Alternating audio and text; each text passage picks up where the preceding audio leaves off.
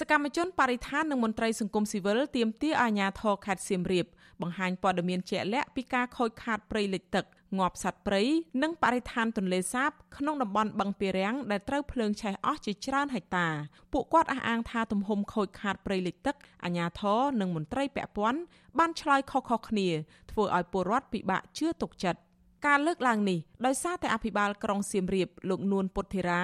ប្រាប់កាសែតក្នុងស្រុកថាភ្លើងឆេះព្រៃទំហំ8ហិកតារីឯប្រធានមន្ត្រីកសិកម្មខេត្តសៀមរាបដែលជាស្ថាប័នស្នូលលោកទាកំសុតប្រាប់កាសែតភ្នំពេញប៉ុស្តិ៍ថាភ្លើងឆេះព្រៃអស់ទំហំជាង600ហិកតា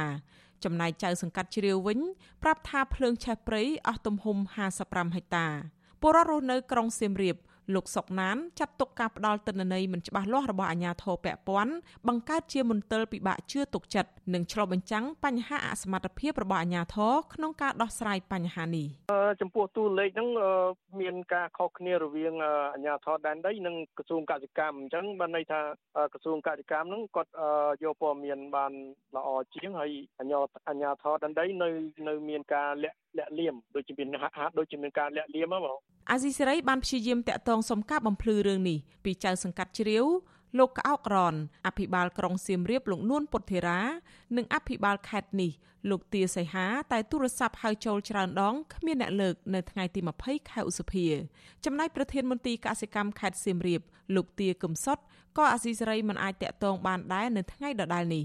ប៉ុន្តែលោកទាកំសុតប្រាប់កាសែតភ្នំពេញប៉ុស្តិ៍ថាភ្លើងឆេះព្រៃនេះកើតឡើងនៅចំណុចព្រៃក្រាស់ពិបាកក្នុងការចល័តរថយន្តបាញ់ទឹកចូលទៅបាញ់ពន្លត់បង្កឲ្យមានផលប៉ះពាល់និងខូចខាតគម្របព្រៃលិចទឹកក្នុងតំបន់បឹងពារាំងនេះអស់ប្រមាណ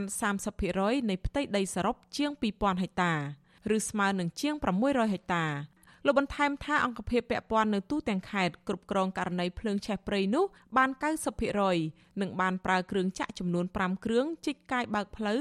ដើម្បីឲ្យរថយន្តបាញ់ទឹក15គ្រឿងចូលពន្លត់ភ្លើងប្រធានមន្ទីរកសិកម្មរូបនេះសង្ស័យថាមានមនុស្សលួចចូលទៅនេសាទត្រី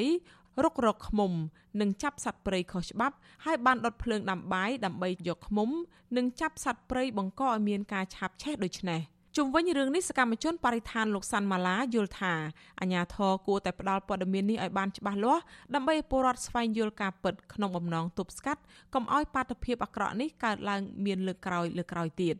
លោកថាការថែទាំព្រៃលិចទឹកមិនបានល្អបង្ហាញពីការអសមត្ថភាពរបស់អាជ្ញាធរដែលទាមទាររដ្ឋាភិបាលធ្វើការកែលម្អឡើងវិញចំពោះបញ្ហានេះអាជ្ញាធររដ្ឋគួរតែមានវិធានការគ្រប់គ្រាន់និងត្រៀមទុកជាមុន ដើម្បីប្រឈមជាមួយនឹងហានិភ័យដែលអាចកើតឡើងដូចជាករណីភ្លើងឆេះព្រៃនឹងដើម្បីឲ្យយើងអាចមានលទ្ធភាពគ្រប់គ្រាន់នៅក្នុងការ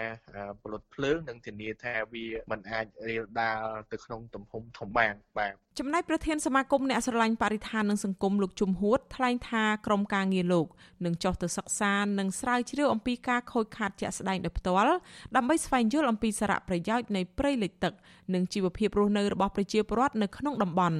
លោកគិតថាអាញាធរទំនងភ័យខ្លាចប៉ះពាល់មុខមាត់បានជាលាក់លៀមនិងមិនហ៊ាននិយាយការពិតក្នុងរឿងនេះខំប្រមិចចោះទៅដល់តំបន់នឹងស្ទល់ដើម្បីយើងស៊ើបកិច្ចច្បាស់ថាតើមូលហេតុពិតប្រាកដតែបណ្ដាលដល់ហ្នឹងរហូតដល់តែឆេះរហូតដល់ផ្ទៃដីធំផ្ទៃមែនទែនអញ្ចឹងយើងចង់ដឹងអំពីតើរបៀបធ្វើការរបស់អាជ្ញាធរគេធ្វើការរបៀបម៉េចអាជ្ញាធរមូលដ្ឋាននៃខេត្តសៀមរាបបានដឹងថាព្រៃលិចទឹកនៅតំបន់បឹងទន្លេសាបក្នុងក្រុងសៀមរាបដែលជាជំរកត្រីពងកូន និងសត្វស្លាបតាក់ទាញភ្ញៀវទេសចរត្រូវបានភ្លើងឆេះនៅតំបន់ព្រៃក្រាស់កន្លែងសត្វស្លាបរាប់ម៉ឺនក្បាលពងកូន និងស្នាក់អាស្រ័យនាពេលរាត្រីរបាយការណ៍របស់អាជ្ញាធរទន្លេសាបចេញផ្សាយកាលពីឆ្នាំ2003បង្ហាញថាព្រៃលិចទឹកក្នុងក្រុងសៀមរាបជាប់បឹងទន្លេសាបមានទំហំ15000ហិកតាព្រៃអភិរក្សនេះកាន់តែរួមតូចពីមួយឆ្នាំទៅមួយឆ្នាំដោយសារតែសកម្មភាពកាប់ទន្ទ្រានឈូសឆាយព្រៃ